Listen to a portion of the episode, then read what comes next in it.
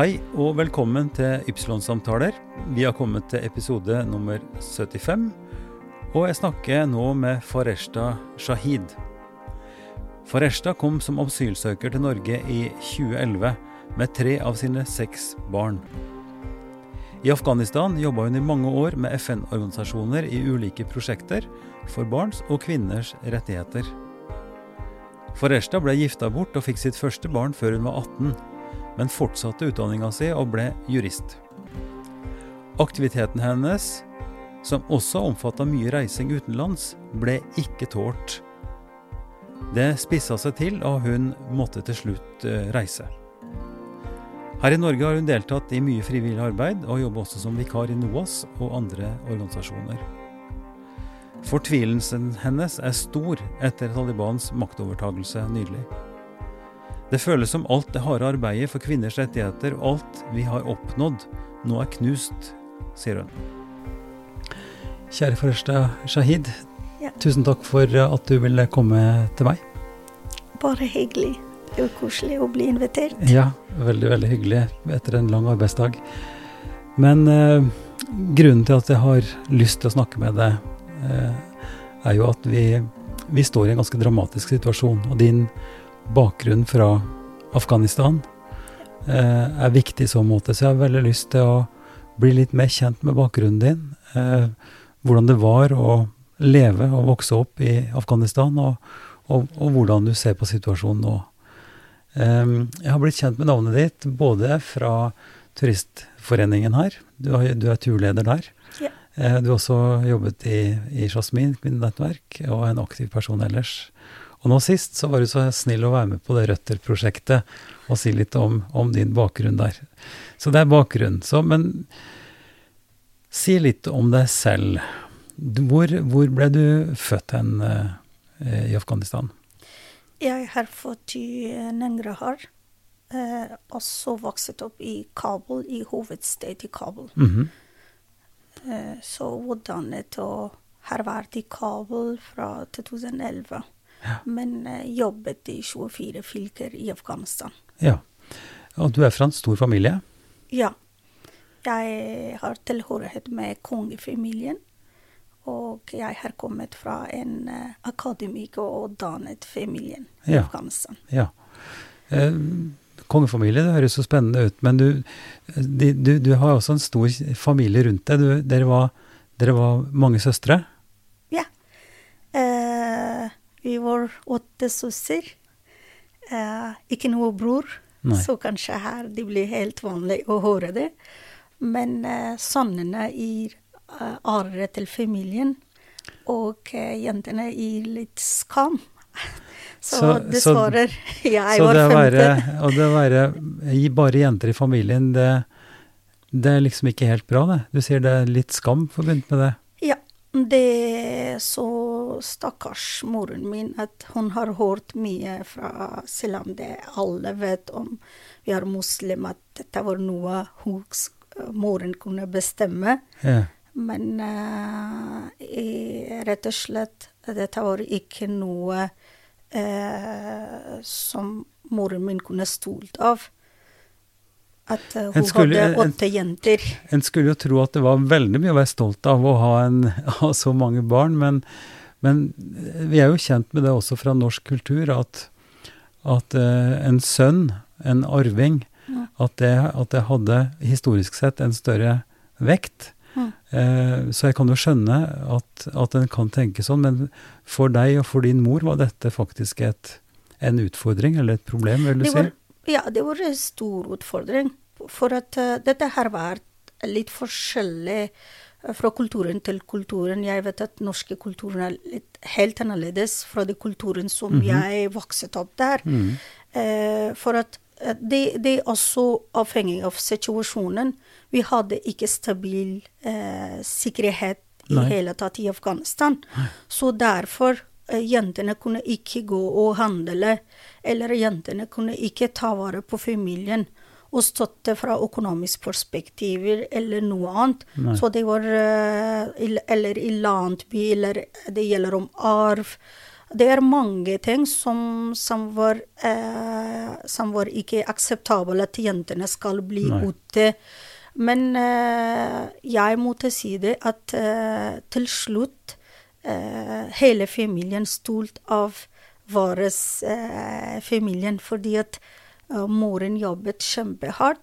Mm. At eh, jentene må være aktive i samfunnet og måtte være alle eh, som på skolen og på universitet, så vi alle var utdannet, jentene. Ja, ja. Så alle søstrene fikk eh, utdanning og, Ja. og skole. Ja. Eh, og for din del så betyr det at du studerte juss, vet jeg? Ja. Mm. Ja. Eh, hva hva, hva jobba de andre med? Hva studerte de andre? Eh, eldste søstera min hun studerte eh, statsvitenskap, Mhm. eh, som jobbet eh, som deputy minister of Women Affairs. Mhm. -hmm. så også hun var commissioner for human rights Mhm. i Afghanistan. Og eh, andre søstera mi, som var kjempeflink i økonomi. Hun Mhm. hadde det første nummer i hele universitetet, også på skolen. Um, nå hun er i USA, så jobber hun med Vice of America, som journalist og editor og director Vo- Voice of America? Ja. Ja. ja. Mhm. Og så eh, tredje søstera mi som jobbet med Røde Kors i Afghanistan. Mhm. Hun, ble, hun lever ikke, så Mm. hun var bare 36 år som hun var død. Mm. Eh, så også eh, to andre altså ble utdannet, men kunne ikke bli ferdig pga. at Taliban var i Afghanistan. Ja. Så andre var eh, altså lærer på skolen. Eh, hun var eller, pedagogikk eh, utdannet. Mm. Eh, så eh, min søs, siste søster, så hun var journalist. Mhm. Kjempeflink, kjempeflink, men hun også døde i 2012. Mm. I Praha hun var journalist også. Ok. ok. Så det Så- betyr at vi er seks nå. Tre av dem blir døde. Ja. En imponerende søsterflokk, vil jeg si, da. Som eh, har både tatt utdanning og fått, eh, fått brukt utdanningen sin. Ja. Eh, Kan ikke du eh, fortelle litt om hvordan det var å være ung jente? Hvordan det var og, altså Hvis du tenker helt tilbake til oppveksten din, eh, eh, si, si litt om hvordan det var. Jeg, jeg syns det er morsomt å høre. Eh, det var veldig morsomt min eh, oppvekst, for at jeg var helt annerledes jente i familien. Mhm.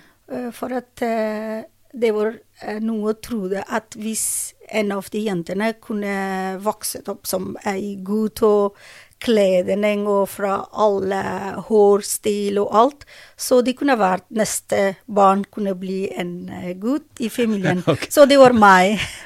Det var meg at eh, jeg hadde ikke sånn lang hår og eh, så Men, men si, for, forklar det litt nærmere. Du sier at hvis en jente i familien kledde seg og oppførte seg som en gutt, så kunne det bety at det neste barnet Ja. ble gutt? Ja, det, det var troen av okay, den eh, noe okay. kunne Så du sånn- ble den som måtte Ja, være det gutt? var meg. Det var meg. Så hele tiden så jeg hadde gutten klar, og så hårstil var som okay. gutt. Eh, men eh, så pappa og mamma, jeg hadde litt ekstra oppmerksomhet i familien. aha. Eh, men jeg var jente. yeah. For at jeg hadde ikke lov til å leke ute med andre uh, gutter som var Det var helt vanlig i Afghanistan at guttene skal leke ute, men jentene må være hjemme. På en måte at den grensen var satt opp for meg. Yeah. At selv om uh, hadde ikke noe påvirkning, så jeg måtte grense mine bevegelser. Mhm. Og så eh, Jentene er som at det er familien som dominerer de. ja. Eh, Så jeg måtte ta vare på min kropp, jeg må ta vare på mine bevegelser ute, inne. Når eh, går jeg, når gikk jeg, når kommer jeg? Så det hele livet eh, måtte være under kontroll av eh, pappa eller mamma Ja. eller bestemor. Og, det, og dette har vi jo hørt om og vet, ikke sant? At Mm. dette foregår. Men, men kan ikke du prøve å si noe om hvordan du forsto dette da? Altså, ble det oppfatta som ubehagelig, som, som eh, noe som ikke du ville, eller var det noe du tenkte var riktig også? Eh, så det er ikke lett. Det er ikke lett å kunne forklare alt. Nei, nei. Eh, jeg skal ikke gjøre det med mine eh, jentene. Mm. Eh, det som blir gjort, og det som hadde jeg eh, mye opplevelse fra min barndom. Eh, jeg skal si nei, det var ikke bra. Mm. Eh, for at vi var også, Jeg var også ei jente, eh, et menneske. Mm. Eh, jeg også ville smake det friheten. Mm. Eh, selvfølgelig, det har vært grenser, men eh, jeg Jeg skulle si det at eh, At jeg, jeg blir kjent med mange i norske samfunnet, og jeg blir eh, som integrert i det norske samfunnet. Mm. Eh, og jeg kjenner veldig godt, og jeg skal si det rett og slett, så det er mye til å se, men jeg blir tom for ord når det, kom, det gjelder om jentenes eh, Hvis jeg kan sammenligne livet i Afghanistan og her, Mm. så det betyr at det er kveld og dag. Ja, natt og dag. Ja. Mm. Natt og dag, ja. Mm. Så eh, jeg skal si det at de som har fått i Norge, kanskje det er mer heldig Mm. enn som jeg har fått i Afghanistan. Mm. Men alle foreldre er jo glad i barna sine. Dine foreldre var glad i dere søstrene, det er jeg helt sikker på. Men hva, hva var det som jo- gjorde at de var så at, at jentene må passe så mye på? Hva er det i, i Kan du si noe i, i, i kulturen? Altså, jeg kjenner jo til ehm, Altså, jeg har jo lest og, og, og, og, skjønner at, at eh, kvinneliv og jentene blir holdt inne, for de skal ja, de skal lære å bli kvinner, de skal lære å lage mat, de skal passes på inntil de skal gifte seg og sånt. Mm. Men, men den, følte du at du var stengt inne? Følte du at dette var vanskelig når du vokste opp? Eh, selvfølgelig. Det var ikke lett. Eh, jeg kunne eh, si det at eh, noe som eide meg Mm. Først jentene blir som foreldre som eier Mm. voksne i familien eier jentene. Mm. Til og med de gifter. Mhm. De gir dem den tanken at eh, du er her, du må lære seg eh, mange ting Mhm. for at du skal bruke det i din svigerinne. Så da betyr at jentene har ikke plass i familien, til og med. Hun, hun skal gifte seg. Mm. Og det er så selvfølgelig Det er uh, 90% som Mm. familien bestemmer, og de blir tvangsekteskap. Mm. På en måte den sosial kontroll er mer i, hos jentene. Mhm. Så hun er hos sine egne foreldre. Mhm. For at de, de behan- behandler henne som er du er en gjest. For, eh, forbereder til å Ja, for ja, andre, ja, til å gå til svigerinne. Mm. Og svigerinne, etter de blir giftet, så på en kveld så hun skal ha en hvit kjole. Etter en kveld de forventninger er kjempehøy. Mm. At hun må være en perfekt, perfekt dame. De glemmer at hun var ei jente som kunne sove lenge, Mm. kun, kunne tenke på lek, Mm. kunne treffe venner, Mm. kunne hos venner. Kunne ute og lufte det, den, den, den smake, den friheten. Mhm. Men nei, forventninger at hun skal våkne tidlig, ta vare på hele svigerinna, kunne vært en perfekt svigerdatter, en kone. Så jeg skulle beskrive det at noe eier oss. Var dette sånn for deg også? Selvfølgelig. Ja. Jeg, Så du ble gift tidlig, eller? Jeg giftet når var jeg sånn eh, Var ikke 18. Mhm. Jeg var ikke 18 når jeg giftet. Mm. Og da var eh, Jeg ble informert etter tre måneder at du blir forlovet med hvem? Min fetter. Som aldri kunne tenke å gifte med, med ham. Mm.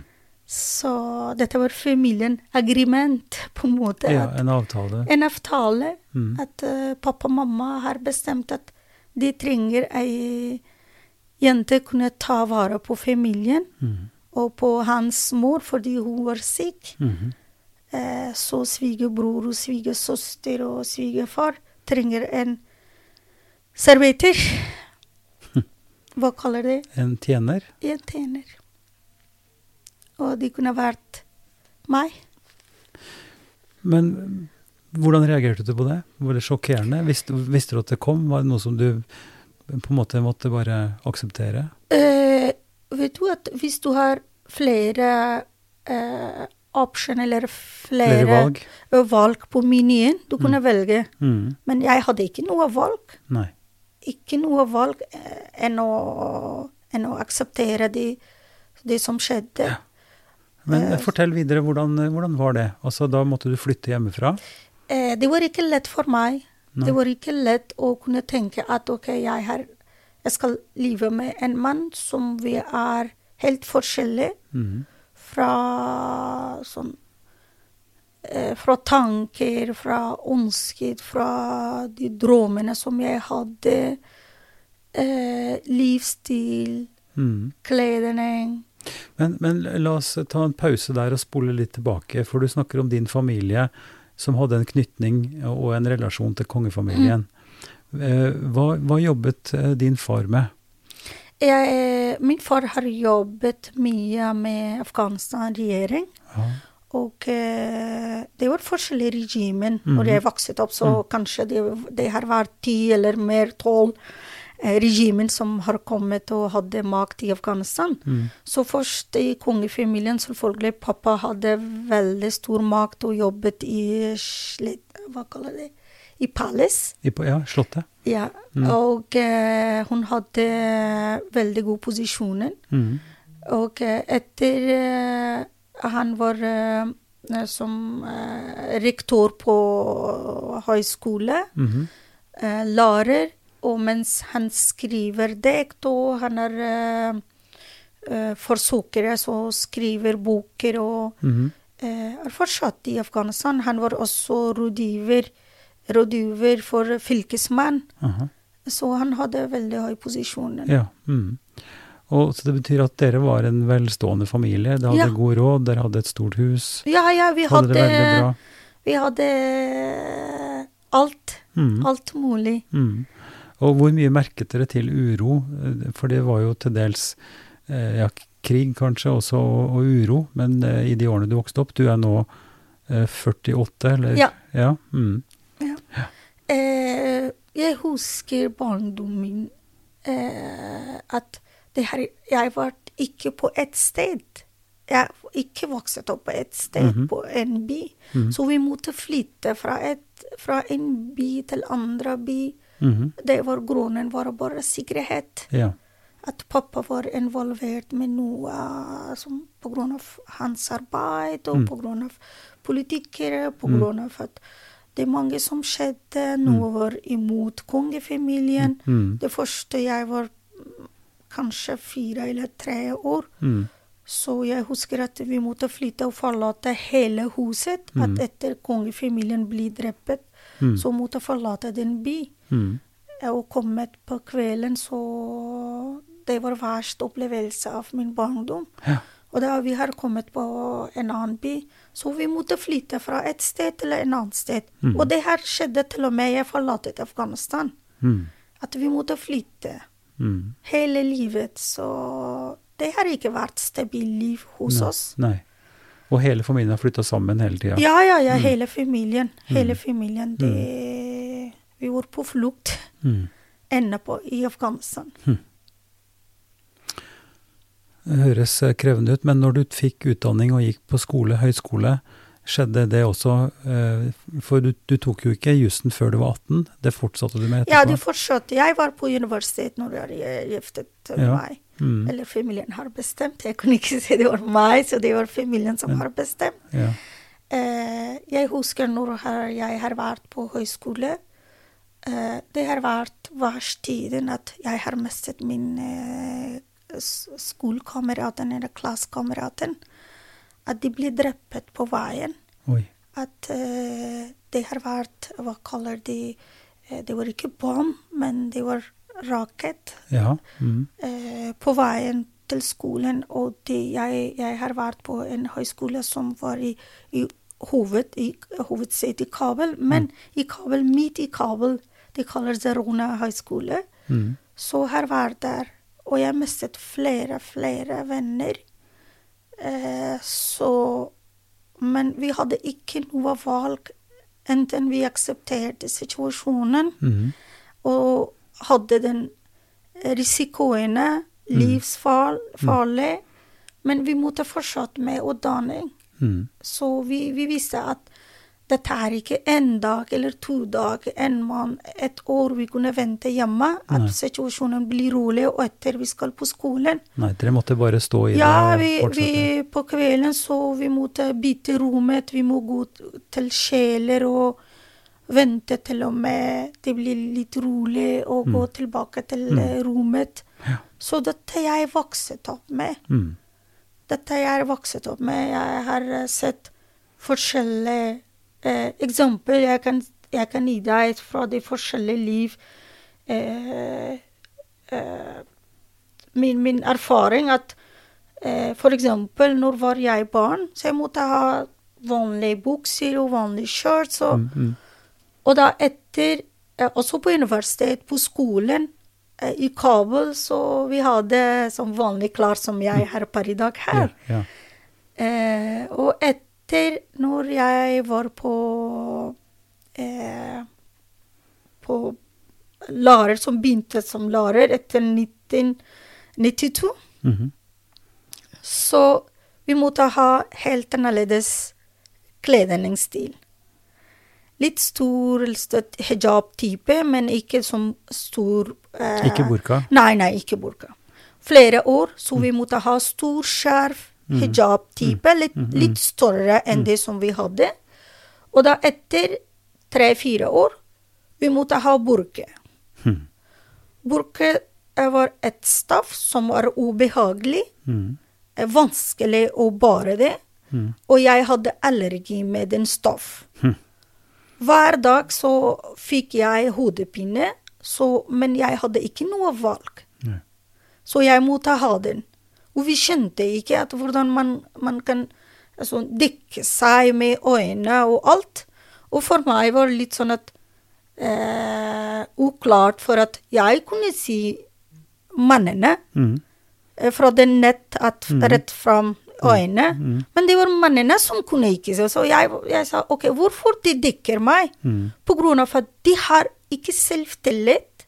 De har ikke kontroll over når, som når de imot kvinner. Mm. Fordi jeg kjente ikke Så dette Og det har kommet flere, flere ord i Afghanistan Mm. at jeg måtte eh, ha din burke. Ni år hadde jeg burke. Hm. og jobbet jeg under burka. Eh, Og hadde du også du, du var da gift. Hadde du fått barn? Ja. Så du, du jobbet også etter at du hadde fått Ja, barn? det var eh, Jeg var heldig som eh, bestefar Eller, sorry um, Svigerfaren Mm. var altså min onkel. Mm. Uh, så hun var kjempestøttende mann som støttet meg. Og det har ikke vært noe problem med min utdanning, med min jobb. Nei.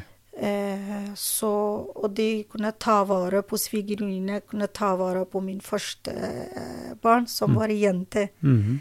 Eh, og det var eh, eh, Jeg var ikke 18 i eh, desember. I oktober jeg skulle bli 18. Mm. Eh, I Ja, som var nesten 18, som jeg har fått mitt første barn. Mm. Ja. Men du fortsatte også utdanning, og du, du jobbet Ja. eh, under veldig vanskelige forhold, som du beskriver. Altså måtte- Kjempevanskelig. Og når, når burkaen ble innført, så hadde det sammenheng med Taliban, eller hva var grunnen til at den ble innført? Nei, det var med Taliban. Mhm. Mm, Så det, det måtte eh, vi bli Det var tvang Mm. kledning som vi, Mm. vi måtte Det var ikke noe valg, som sagt. Nei. Vi måtte ha, ellers vi kunne ikke ute. Mm. Det blir vi stoppet på gata og på veien. Mm. Så jeg husker jeg ble slått også. Det var ikke bare kledning som vi skulle klage på, at Taliban ga oss den gaver. Men det har vært mange andre eh, problemer som var foran kvinner, Mm. som var, skulle jobbe. Mm. Eh, så også eksempel at eh, de damer som skulle jobbe, eller skulle handle, eller skulle ut på besøk eller noe Mm. annet i, bli samfunnet, så de måtte ha en mann, Mhm. company eller mann, Ja, som de sammen. kaller ja, mahram. Mhm. Uten det så Det stoppet eh, kvinner på gata. Ja, Og dette var Taliban, og nå vet vi at Taliban har tatt over igjen. Eh, men du, du reiste fra Afghanistan eh, med tre barn Ja. i, i 2011. Ja. Hva var bakgrunnen for at du måtte reise da? Eh, jobben min har gjort det at jeg måtte forlate, og jeg måtte på flukt. Eh, I de siste årene eh, jeg jobbet eh, for likestilling, mm. for barns og kvinners rettigheter. Mm. Dette var noe jeg bestemte av at det var en, det var en krevende situasjon. At jeg måtte jobbe til å løfte kvinners situasjon og gi dem riktig plass i samfunnet. Fordi du så og hadde opplevd selv Ja. eh, hvor vanskelig det var, så du valgte Å jobbe. å jobbe i en organisasjon for å Støtte. gjøre noe med dette. Ja. Mm. Og det var ikke lett. Nei. Eh, Hadde du også støtte av svigerfamilien og familien din i dette? Eh, jeg har fått eh, støtte av min eksmann, selvfølgelig.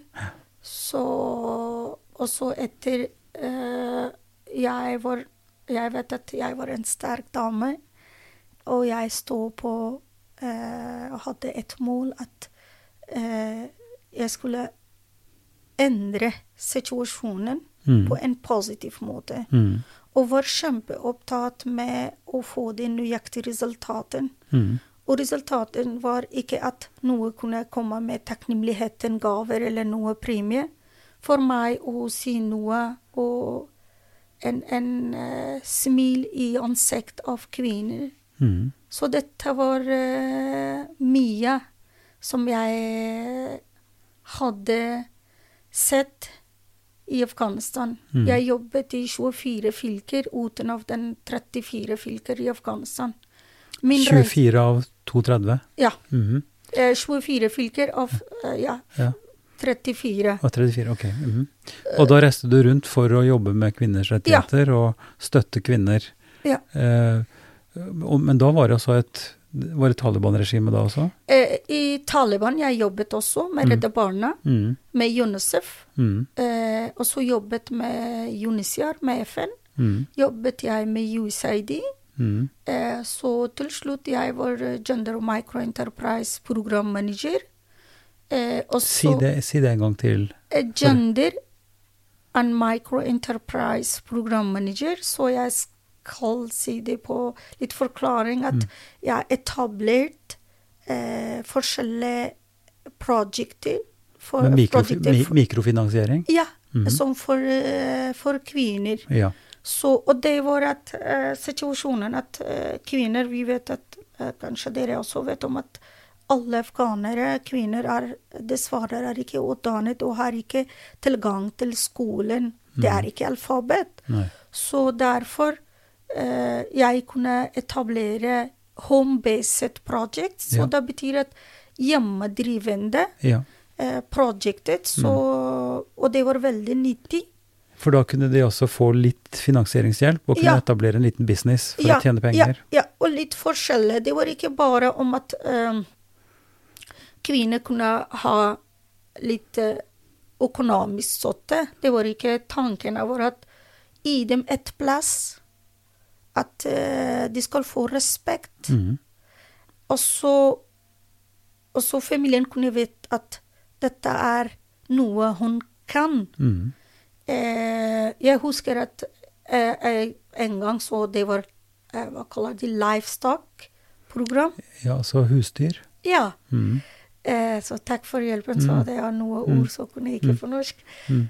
Eh, Så, og der jeg har spurt damer at hvordan foregår, hvordan føler du at klarer du til å drive med den prosjektet, Mm. og klarer du til å ta vare på dyrer? Mm.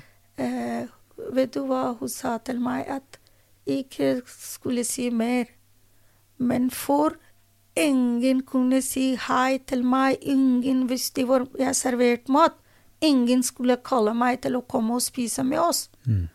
Men etter flere måneder som jeg tjener penger, så det første man som spiser mat, det er meg. Mm. Så det betyr gi dem respekt i Mm. familien. Gi dem et plass. Og dette har vært mye betydning for meg. Så deretter jeg sa jeg måtte fortsette. Selv om det var ikke lett. Jeg ble stoppet på veien.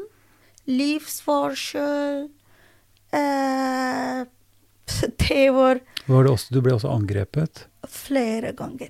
Flere, flere ganger. fordi, fordi eh, myndighetene eller Taliban visste hva du drev med og ville at du skulle stoppe, eller var det, var det andre mennesker som eh, Eller andre som prøvde å forhindre det?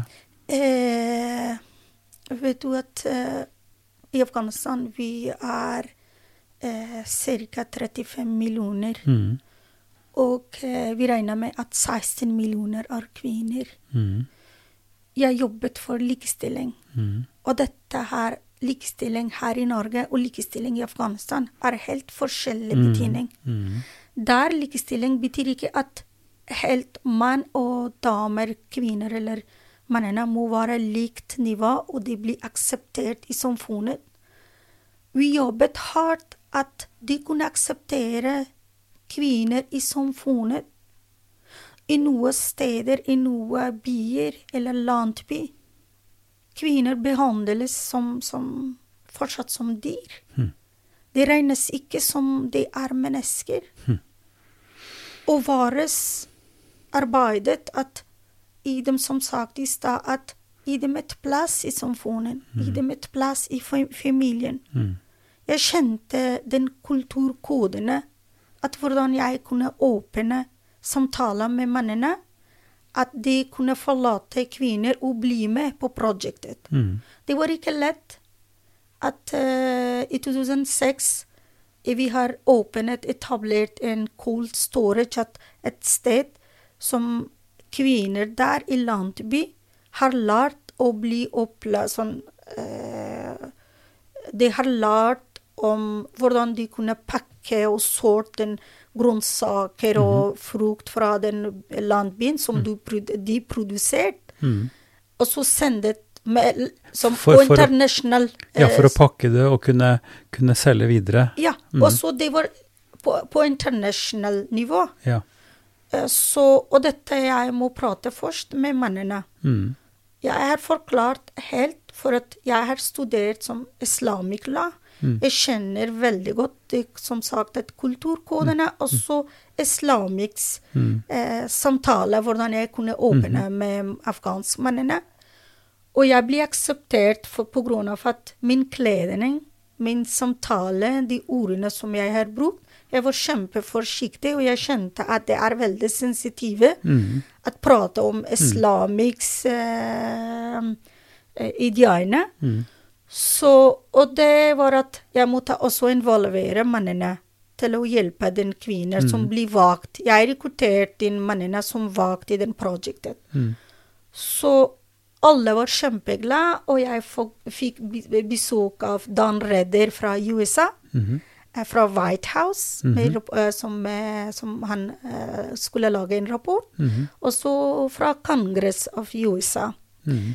Og de ventet at jeg skulle komme og skulle ha en presentasjon om hvordan det foregår, hvordan det har vært. For, Mm. for min prosjekt var success project av USAID. Mm. Og det har kommet på flere sider av USAID. Mm. At ei dame, afghan dame driver med Mhm. 13 prosjekter, og alle prosjektene går kjempebra. Mm. Så, og det var kjempeimponerende, for de, og de ventet at ei dame skal komme med high uh, heel-sko, og kanskje med sånn Mm. eh, Med en eh, Med en vestlig, moderne stil. Ja, kanskje det, ta, det tankene var sånn, men jeg har kommet ut av en tank med to eh, Jeg hadde vakt, så selvfølgelig med våpen også. Det var eh, Min eh, reisen var med veldig høy profil. Mm. Så du hadde vakt med deg? Ja, jeg hadde vakt med gun og sånn. Mm. Eh, og da kommet jeg med en burka, -hmm. og ta, vekk, ta den eh, burka av, og hadde stor skjerf. Mm. Og har kommet på den cold storage, og foran den de, de eh, VIP, eller eh, Mm, mm. delegasjon fra USA, fra, fra Kongress. Mm. Jeg har begynt på engelsk, Mm. og hadde presentasjon. Og jeg husker at den som var fra Kongress, har kommet og sa 'Jeg kan ikke klemme deg', ikke sant? Mm. Jeg sa nei. Kan jeg ta bilder med deg? Mm. Jeg skal vise der Mm. at du er den dame som jobber for ditt land. Mm. Du er ei dame som, skulle som skal utvikle ditt land, Mm. og skal, skal ta endringen, Mm. en positiv endring i samfunnet. Jeg sa det er meg. Mm. Og, eh, og det, det, det Denne dagen etter den, så det skapet et stort problem. For at eh, Jeg kommer tilbake til din spørsmål om at hvordan samfunn aksepterte meg. Mm. Eh, etter den episoden så jeg måtte forlate den, min egen by. For at det var en dramatisk historie de har lagd om at eh, at de som er ikke muslim, skikk hennes hånd og tok bilde med henne. Og de pratet med henne og sånn og sånn og sånn. Dårlig. En dramatikk. Slik at det ble, det ble fremstilt som at du var eh, ikke respektfull, og at du ødela på en måte moralen, Ja, eller jeg mistet nesten sånn eh, respekt og, og sånn. Blant, blant folk flest også? Det var, det var flere Mhm. til sted. Og så den bildene som Dan Redder skulle ha med meg og flere fra Kongress, de blir delt på flere sider. Mm. Altså, det er stor skam for oss, shame on her og sånn. Og da Men jeg kjente det. Jeg kjente det at det var ikke noe feil som Fresta har gjort. Nei, du har ikke gjort noe feil. Nei, Nei. Men eh, Men det ble fremstilt sånn, og det ble en Fremstilt, ja. Og det ble en, akkurat som i sosiale medier, ikke sant. Så begynner å skrive, og så sier folk ditt og datt, og så blir det verre og verre. Ja, Det var eh, verre for meg at eh, jeg måtte forlate den byen. Jeg måtte forlate den jobben som jeg elsket. Eh, men for meg at eh, Jeg sa til den mannen jeg hadde den, eh, en stor samling i, i den byen, og hadde jeg en tale at ingen kan stoppe meg. Jeg hadde burke på meg. Mm. De, dere kan dekke meg helt, Mm. helt som, som per i dag det også har gjort. Men min tanker, Mm. min ideene, Mm. de lever. Mm. Jeg har med høy moral. Mm. Ingen skal ta min moral. Så dette jeg skal fortsette med. Mm. Og eh, Så dette var en eksempel at samfunnet eh, Det er ikke akseptabelt for samfunnet at ei dame skulle jobbe som kvinneaktivist, som skal jobbe til å løfte kvinnes Mm. eh, livsstatus, eller ellers kan komme med en tanke at eh, kunne hjelpe andre kvinner. Eh, det tenker at ok, jeg jobbet med en, en organisasjon som er ikke muslim. Mm. Eh, og kanskje jeg skal jobbe med til å ta flere med til bytte ideene eller troerne. Mm. Så Du var redde for å, at, at det skulle smitte deg og andre til å bli vestlige, eller ja, bli vestlig. Ja, og, og miste afghanske idealer, muslimske idealer, f.eks. Ja, men det, det, var, eh, det var de som tenkte. Ja, ja. Det var de som tenkte, og Mm. det er Til og med per i dag, jeg bryr meg ikke. Men, men si litt, dette var i 2006, var det det? Ja, 2006, 2000 Men du, du ble altså i Afghanistan helt til 2011. Ja. Men problemene økte etter hvert? Altså, Problemer økte. Jeg var i Kabul, Og det skjedde at uh, jeg skulle etablere ny project i en av de byene som ligger i uh, east part of uh, Kabul. Mm. Det er bare 200 km lenger Mhm. fra ligger i Kabul. Mm. Så jeg har vært der og til å så mote med kvinner der og prate. Og så hadde jeg en møte med PRT, som også det militærbase i, eh, i den byen. PRT er den eh, så ISAF militærbase. Ok, som ja. ja. ISAF, ja. Mm. så jeg har vært der og gikk på ikke veldig høy profilen eh, med security eller med Mm. noe. Jeg gikk med mine barna Mm. eh, med helt vanlig eh, bilen, Mm. privatbilen. Eh, så Men eh, på kvelden jeg skulle ikke bli på Eller vært, eh, kunne ikke vært på overnatting på den guesthouse. Nei. Eh, jeg har bestemt til å være hos min en av de gender officer Mm. som bodde der. Mm. Har vært hos henne, og eh, så vi har de, de har ikke strøm. Så til og med klokka ni de har generator som Mhm. bruker Mm. for to-tre timer til å ha strøm i huset. Etter klokka ni så nesten vi skulle sove, men eh, huset blir under angrep. Oi. Så jeg var ikke redd at eh, de skulle drepe meg. Men eh, problemet var at min begge to sønnene var med meg. Mm. Eh, til og med eh, det var litt lys, og de ble kommet magen som loft. Mm. Eh, min kollega har mistet sin sønn. I det angrepet? Det, det er på grunn av den angrep, og på grunn av jeg har vært hos henne. Oi, oi, oi. Så Og da var tidligere som PRT og min kontor har Kollega har fått beskjed om at det skjedde. Mm. De har kommet til å hente oss med tank og med, Altså med, med, med soldater. Og, med, ja. med vakt, altså Ja. med, med ar armert bil? Ja, Mm. ja. Og jeg sa takk. Mm. Jeg skulle ordne selv. Fordi at uh, stolheten var ikke på plass. Jeg har mistet min stolthet på de. Fordi de, de visste at hvor jeg skal overnatte. Ja. Så de burde passet på? Uh, men her er problemet at hvem du kunne stole på. Mm -hmm. uh, så jeg sa til de at nei, jeg skulle handle noe i byen. Jeg skal bare gå litt rundt, for at eh, jeg var helt i en panikksituasjon. Mm. Jeg ble helt fryset. Tankene Sjokk. jobbet ikke. Mm. Helt sjokk. Mm. Eh, jeg skjønte ikke hva skulle jeg si, hva skulle jeg gjort.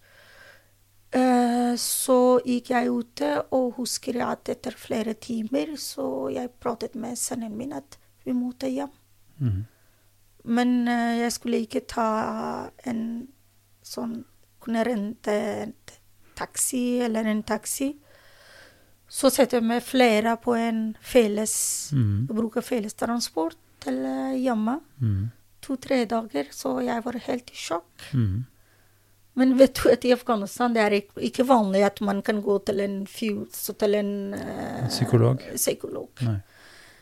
Eh, så, og da fikk jeg Nei, hvorfor telefonen din var slått, hvorfor du svarer ikke på telefonen, vi måtte vite.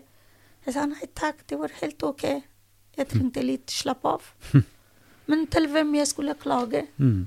Til hvem? Mm. Så for damer i Afghanistan, det er ikke noe dår at hvis de trenger, de kunne banke på. Nei, du har ingen steder å gå? Nei. Nei. Fordi hvis, hvis de kommer på kunne si om kulturelt perspektiv, at du er ei jente hos foreldre Vi kaller det at de tar vare på deg. Mhm. At du er en, en eh, en gave, eller andre skal få deg. Mm. Og der de bruker deg fordi at De bruker penger på deg når Mm. du gifter. Mm. Eh, det er investet på deg. Mm. Investering. Investering. Mm. De tar vare på deg fordi de, de trenger deg. Mm. Og i samfunnet Så du, du vet, ei afghan dame, ei afghan jente vet om at det har ikke plass i foreldre, hos foreldre. Mm. Det har ikke plass i svigerinne. Mm. Det har ikke plass i samfunnet. Ikke plass noen steder. Ikke myndighet som kunne støtte. Så jeg skulle si vi er stakkars. Mm. Men hva, hva gjorde du da? Hva, hva, skjedde så? Eh, Det Så- førte den situasjonen til at du måtte, at du måtte reise? Ja, vi Det var fortsatt sånn situasjonen, til og med 2011. Men jeg var ikke selv rolig personen, for at det var ikke bare jeg jobbet eh, og delte prosjektet og reiset at jeg skulle etablere prosjektet i forskjellige fylker for kvinner. Vi også etablert Jeg også jobbet eh, for eh, Ja, takk. Jeg også jobbet eh, som eh, representert afghanske kvinner i, i Nato. Mm. Mm. Har vært i Brussel. Mm. Har pratet om den, de to major problemene som kvinner facer hver dag. Mm. Så dette var sikkerhet, også kultur. Mm. Og dette var en declaration, jeg, vet ikke hva kaller de på norsk, er Det 1325. Ja, deklarasjon. Deklarasjon Mm. for eh, kvinners sikkerhet. Mm. Eh, Så jeg har vært også Jeg var også involvert i eh, noen politikere på en måte. Jeg har vært i USA Mm. eh, av den politikeren eh, involvert sånn Mm. eh, eh, Så det er, helt, det er helt tydelig det du forteller. Altså, mange ting om ditt engasjement, og hvor krevende det var, og hvor farlig det var også. Eh, at du da eh, etter hvert måtte reise, og du kom hit til Ja. Norge. Eh, og jeg tror Altså, vi, vi kunne fortsette å snakke veldig mye om, om alt det som skjedde i, i Afghanistan. Men det som jeg syns vi må snakke litt om uh, nå, Fresha, det er jo hvordan det nå oppleves for deg her, i ditt kjennskap til den afghanske gruppene her i, i, i Norge og i Drammen, når det nå skjer det som skjer i Afghanistan. Kan ikke du fortelle litt om det, hvordan, eh, hvordan det er? Forferdelig. Det er forferdelig. Jeg har ikke mye ord å prate om det. Eh, det som jeg har gjort i 16 år Mm. eh, Jeg har sett allerede konsekvenser av å bli på flukt. Mm. Eh, jeg mistet identitet. Jeg Mm. mistet posisjonen. Jeg mistet livsstatus. Jeg mistet Fereshta her. Mm. Jeg mistet mitt hjemland. Jeg mistet slektninger, familien. Mm. Så Men, men hadde noe tanker. OK, jeg gjorde noe Mm. i Afghanistan i de 16 år. Mm. Men plutselig det blir minus null. Mm. Hvordan man kan føle. Mm. Hvordan man kan uh, føle seg. Mm. Så vi gikk tilbake. Det som jeg har gjort og fortalte deg, nå kommet i minus null. For alt er borte igjen. Alt. Alt. Det er ikke bare meg. Mm. Og kanskje for alle afghanere, de blir sjokkert over situasjonen. Mm. Det var ikke lett til å akseptere, til å tåle de situasjonene som kommet igjen. Mm. Vi har kommet så langt i de 21 år. Mm. Men for meg, at jeg mistet min, en stor del av livet Mm. på grunn av at jeg skulle komme med noe endringer. Jeg skal utvikle samfunnet. Mm. Jeg skulle bringe eller ta noe eh, endringer i, i, i kvinnens livssituasjonen. Mm. Jobbet kjempehardt. Mm. Til og med jeg forlatet mistet mitt land. Mm. Men dagen som jeg har sett på nyheter og har sett på TV og på Facebook, på de mediene, at nå Taliban har kommet tilbake, så det flashback hele i hodet at hvor gikk Hvor gikk min arbeid? Hva er resultatet til slutt på slutt av dagen? Jeg har ikke noe prestasjoner nå som jeg var stolt av. Mm. At jeg jobbet hardt. Mm. Ok, den er greit, jeg mistet noe i mitt liv, Mm. men at least damer har, skal ha det bra der. Mm. Og det var verst for meg at har sett på TV at jentene skal tilbake hjemme. Mm. De, de har vært på skolen. Mm. At jeg har sett en video at ei jente som tar sin penn og sin bok og skrivebok fra, fra bord, fra skri skrivebord på skolen. Hun gråter og skriker. Mm. Ungdommer gråter. Fordi de ikke lenger kan få fortsette utdanningen. Det de, de er usikker Mm. fremtid Mm. som forventet for de. Men eh, jeg, jeg skjønner jo Jeg skjønner og, og, og forstår det du sier, og at det, at, at det oppleves som, som at alt er ødelagt. Men betyr det at det som blir sagt av Talibans ledelse nå, det som blir sagt om at de ønsker å ha en forandring, du, du har vanskelig for å tro det? Tror du det er bare løgn, eller hva, hva tenker du om det? Null stolthet. Ja, Du stoler ingenting? Nei. Nei. Null. Jeg har opplevd ja. Jeg har opplevd Du kjenner under Taliban? Jeg kjenner det. Selv om det på mediene, det i mediene, det, det er tydelig er det spokesman av det nye regimet Mm. forklarte at nei, vi endret. Så Men jeg kan ikke akseptere, som ei afghandame, at uh, hvordan Hvordan de kan endre seg. Mm. Uh, så ikke optimistisk tanker nå. Nei. Ikke optimistisk, og ikke, ikke som positive tanker som kommer i min hode at sier OK, det skal være greit. Nei. Det kommer ikke noe. Særlig som jeg har sett at eh, mange kvinneaktivister forlatet Afghanistan. Mm. Som man kunne regne på de at OK, de jobbet kjempehardt, de blir utdannet til å, til å engasjere i Afghanistan. Mange har forlatt hjemlandet. Mm. Hva skal skje med de? Mm. Skal de også oppleve som første har gjort?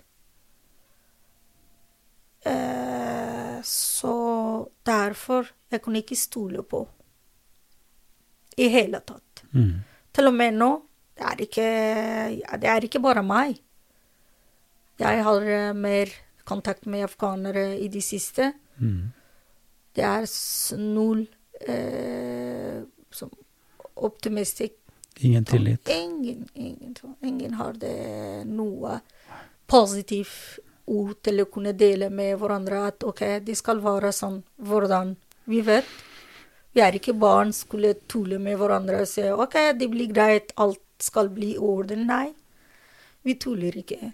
Mm. Vi kjenner. Vi kjenner det veldig godt. Og det var meg som kanskje mer opplevde enn de som er her nå, at hvordan det skal bli kanskje ei dame som er hjemmedrivende Mm. og skal være hjemme. Eh, så for hun kanskje være eh, OK. Men hva om mannene som mester jobben? Så det også påvirker på damer og på, på barna. Mm. Så det er sårbar fortsatt er kvinner og barna. Ja. Mm. Det er sårbare grupper. Mm. Så Nei, det er, det er ganske dystert. Det er ganske, ganske krevende og vondt, det skjønner jeg. Og du, du har også vært veldig tydelig på at du sier nå sant, at du mistet Fereste, du mistet deg selv på en måte når du måtte flykte fra alt dette og komme hit, og at du har vært også ganske sliten og kanskje deprimert, men at du har, du har funnet noen hjelpemidler, da. Ikke sant? Du har aktivisert deg ved å kunne være ute, ved å gå på tur og alt mulig sånt noe. Og det Ja. blir liksom sånn Jeg hører jo når jeg sier det, at det blir no, nesten fattigslig og litt, eh, litt trist, det også. Men det er noe med å finne styrke i, i å etablere seg på nytt igjen, og, og likevel kjempe videre, da, på en måte, for de idealene du har, og for, for kvinners rettigheter, og for det som, det som du står for. For du er jo fortsatt den du er. Du er fortsatt eh, det mennesket som, som har gjort den innsatsen, på tross av at det nå er vanskelig. Eh, vet du at eh, hvis livet i deg bare et valg, at du må være sterk, Mm. og dette du må akseptere det. Mm. Du må ta det på alvor og si ja, takk. Jeg må være sterk, jeg må stå for. Mm. Så det her, det her skjedde med meg. I Norge jeg blir alenemor nå, med Mm. seks barn. Mm. Og jeg var kjempeopptatt om, om hvordan jeg kunne engasjere, hvordan jeg kan bli en, en aktiv person i samfunnet. Mm. Og så hvordan jeg kunne blande den normene og verdiene som er beste i afghansk kultur, Mm. og så med de normene og verdiene som ligger i det norske samfunnet. Mm. Jeg var kjempeopptatt med det. Eh, og så Det var ikke lett. Mm. Eh, mens du må lære seg språk, som, har en, et, som har en nøkkelrolle. Mm. Eh, systemet som er helt forskjellige Mm. fra hjemlandet og fra her. Politikksystem, welfare-system, utdanning, helsesystemet, Mm. barns oppdragelse, Mm. nabolag, sosialliv. Mm. Så det var helt Vet du at Hvordan man kan balansere mellom de to kulturene, to Mm. helt annerledes systemer, det tar tid, vet du. Mm. Mm. Eh, og for, for meg som kunne bestemme å gå ut og bli aktiv i naturen, eller bli friluftsdame, Mm. at dette var et valg Mm. som var ikke tok jeg på hvile. Så jeg måtte forlate hjemme, situasjonen litt ute av konflikt, og hadde litt ro ute. Mm. Så Men jeg er, ja, jeg, jeg er takknemlig. Jeg er takknemlig. Men ikke glem at alle er ikke første. Nei. Hvordan, eh, hvordan jobber dere sammen, dere som nå er i, i eksil fra Afghanistan? Jobber dere sammen for å holde motet oppe, for å være sammen, for å holde fast i språk, for å kunne gjøre det som du nå sa, det å kunne bli en del av det norske samfunnet, og altså ha den afghanske stoltheten og kulturen samtidig? Jeg setter i afghansk eh, styre som representerer kvinner. Eh, og så vi moter opp når det gjelder om noe begravelse eller noe kvinnelig samling. Ofte vi er, har noe kvinnelig samling. Mm. Og så hvis det gjelder om noe kvinner trenger noe hjelp i Nav, eller noe, å lese noe og gjøre noe.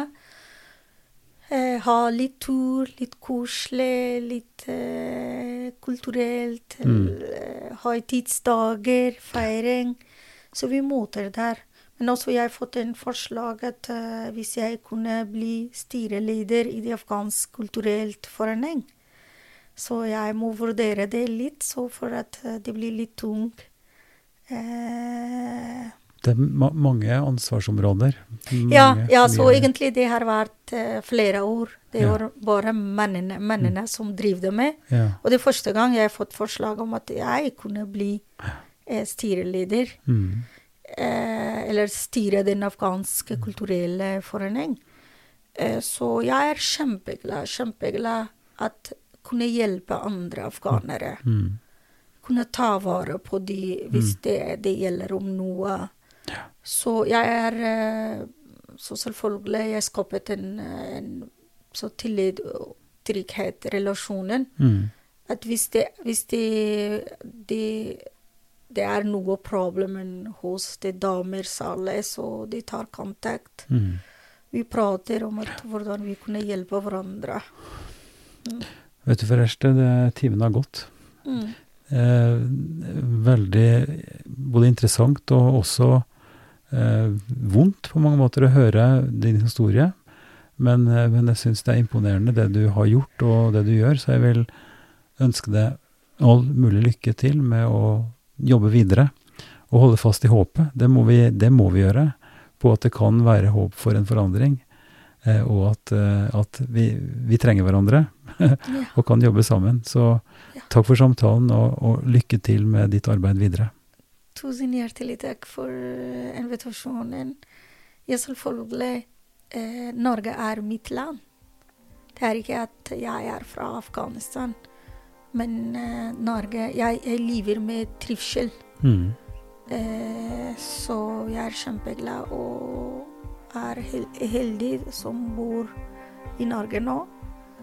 Uh, et demokratisk land. Uh, likestilling er på plass på virkeligheten. Mm. Så Og takk for at dere gir oppmerksomhet for dagens situasjon i Afghanistan. Tusen takk. Takk skal du ha. Bare hyggelig. Takk for at du lyttet til Ypsilon-samtalene. Denne uka er vi midt i Drammen Sacred Music Festival, og jeg håper du har fått med deg noen av arrangementene våre. Du kan følge med på www drammensacred.no for å få oversikt. Og vi kommer også til å publisere noen av samtalene og det som skjer på denne podkasten som ekstraepisoder. Podkasten er støtta av Drammen kommune, av Einar Juels legat og av Barne- og familiedepartementet. Du finner alle episodene på www.ypsilonsamtaler.no, og vi er veldig takknemlige for å få innspill til nye samtalepartnere. Ansvarlig for podkasten er Kirkelig dialogsenter i Drammen ved Ivar Flaten.